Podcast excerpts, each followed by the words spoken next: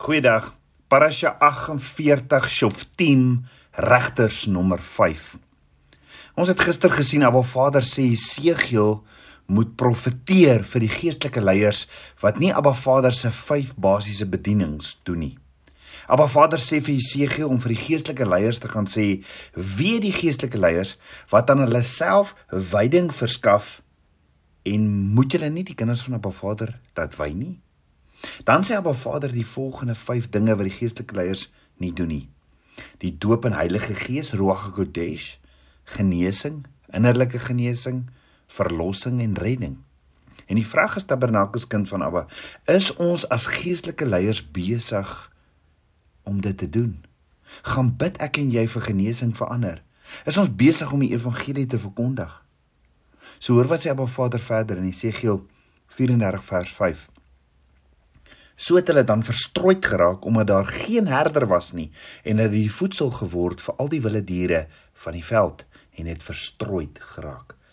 Wilde diere reg deur die woord demoniese geeste.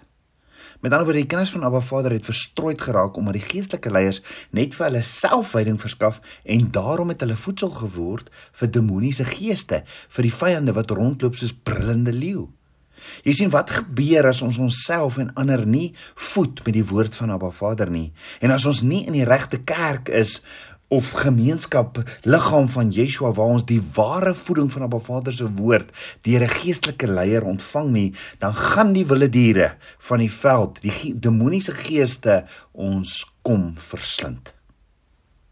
Dan gaan ons ook nooit vrykom van slawerny nie Hierdie wilde diere verteenwoordig demoniese geeste reg deur Abba Vader se woord wat kinders van Abba Vader wil verslind, verskeer.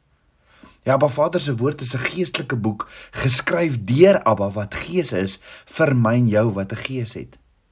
En Yeshua sê in Matteus 28 vers 19 ook: "Gaan dan heen, maak disippels van al die nasies, doop hulle in die naam van die Vader en die Seun en die Heilige Gees en leer hulle om alles te onderhou wat ek julle beveel het."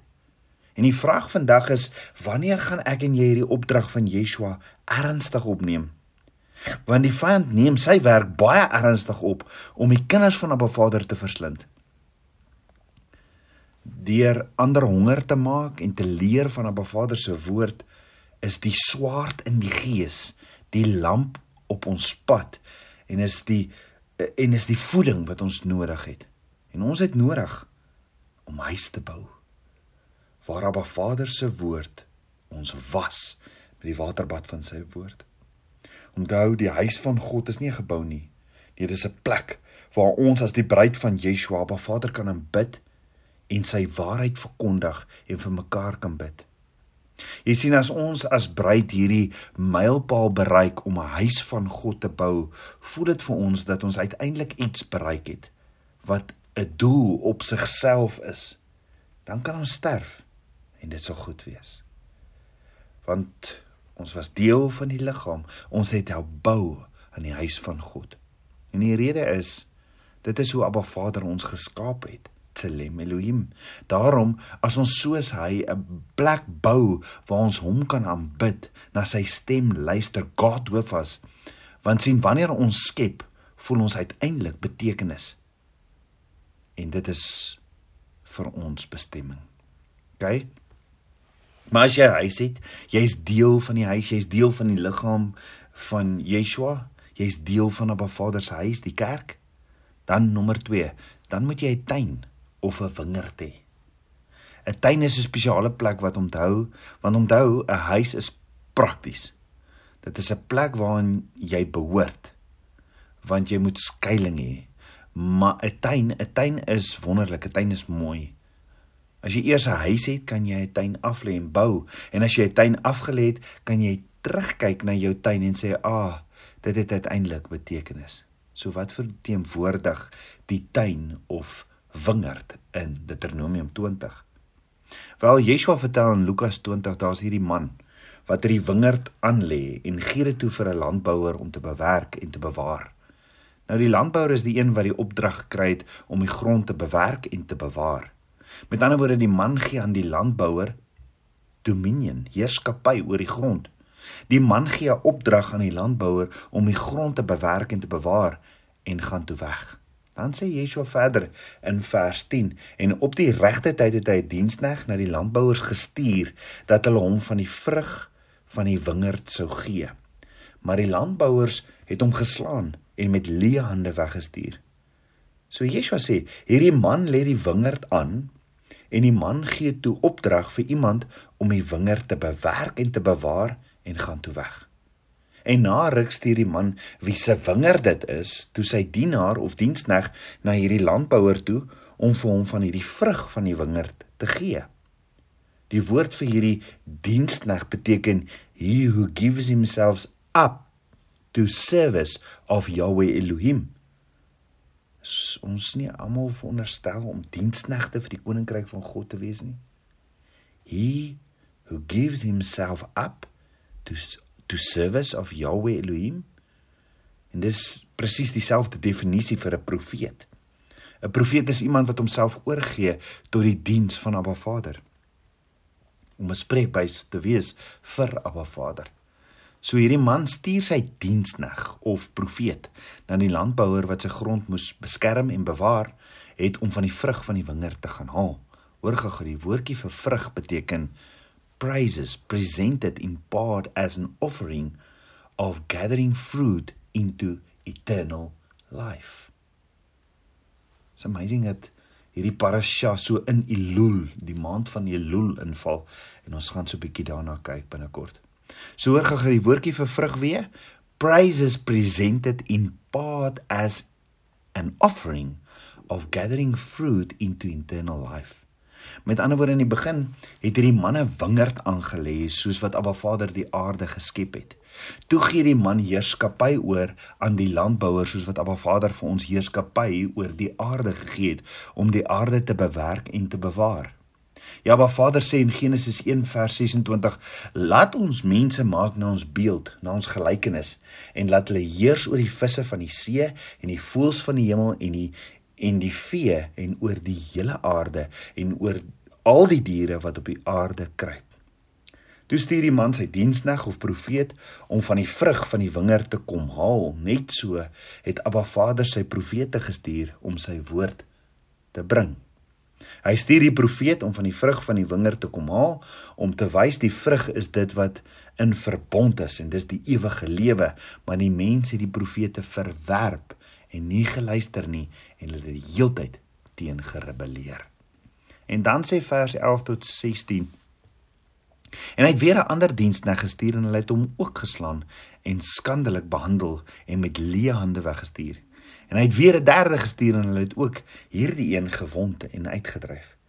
Toe sê die eienaar van die wingerd: "Wat sal ek doen?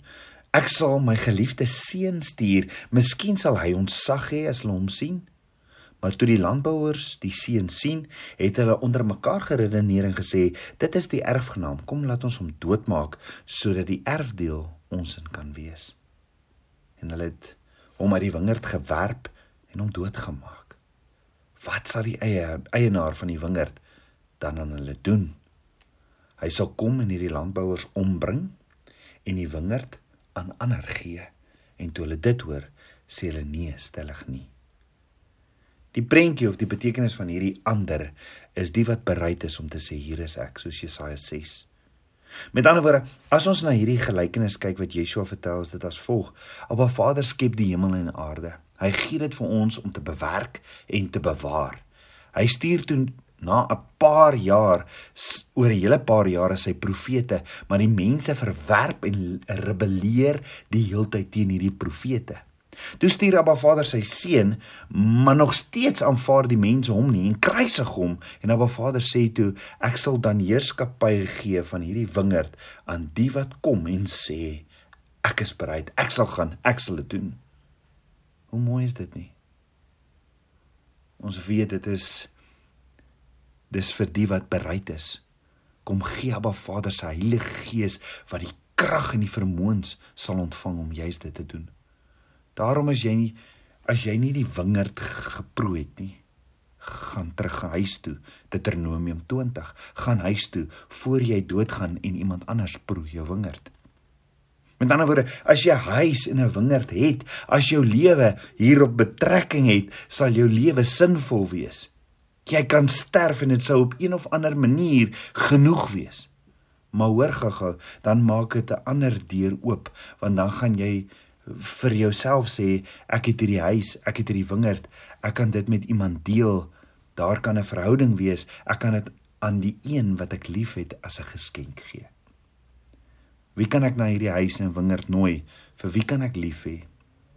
Abba Vader het vir vir die mens gedoen. Abba Vader het dit vir die mens gedoen toe hy ons in die tuin gevra het om deel te wees van dit alles.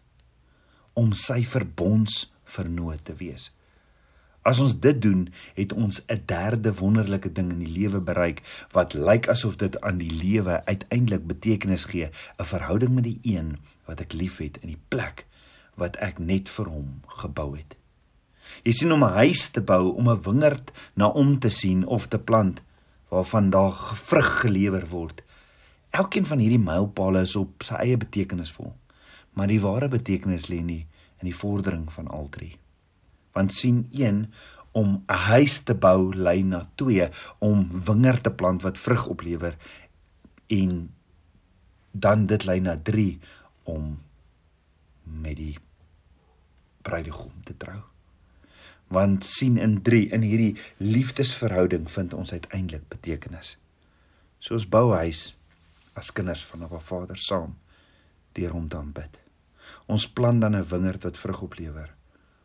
Ons nooi ander in, die wat siek en stikkend is. Doop hulle en leer hulle om alles te onderhou. Ons bewerk die wingerd sodat ons saam vrug kan dra as die bruid van Yeshua. En dit en in dit alles gaan dit oor ons bruidegom soos wat ons vir hom wag vir die bruilofsmaal. Tabernakels kind van Abba. Hierdie drie dinge is in werklikheid op sigself eindpunte waardeur ons as mense 'n rede vind om lewendig te wees. Dis waarvoor ons lewe. Dis hoekom ons hier op aarde is. Dis hoekom jy geskape is. Dis hier waar ons waarlik soos Paulus dan kan sê, soos hy sê in Filippense 1 vers 21, want vir my is die lewe Christus en die sterwe 'n wins. Kom ons bid saam. Aba Vader, dankie vir u woord.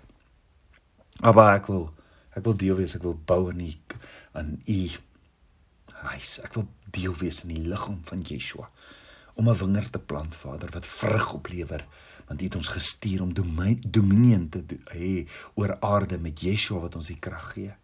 Vader, ons kom gee onsself neer as lewende offers vir U. Use me, Lord, as soos Jesaja gesê het, gebruik my. Kom raak my mond aan met 'n vuurkoel, Vader, en use me as 'n instrument in your kingdom. Vader, ons wil reg wees as die bruid van Yeshua. Mense kan sê wat hulle wil, die wêreld kan sê wat hulle wil, maar ek as ek wil u bruid wees, Yeshua. Ek wil reg wees, vlekkeloos sonder gebrek. Dankie vir u woord. Dankie dat ons weet die shofar gaan binnekort blaas.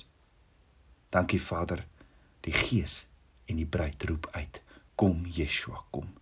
Ek bid dit alles in Yeshua Messie se naam die seun van Jahweh. Amen. Shalom.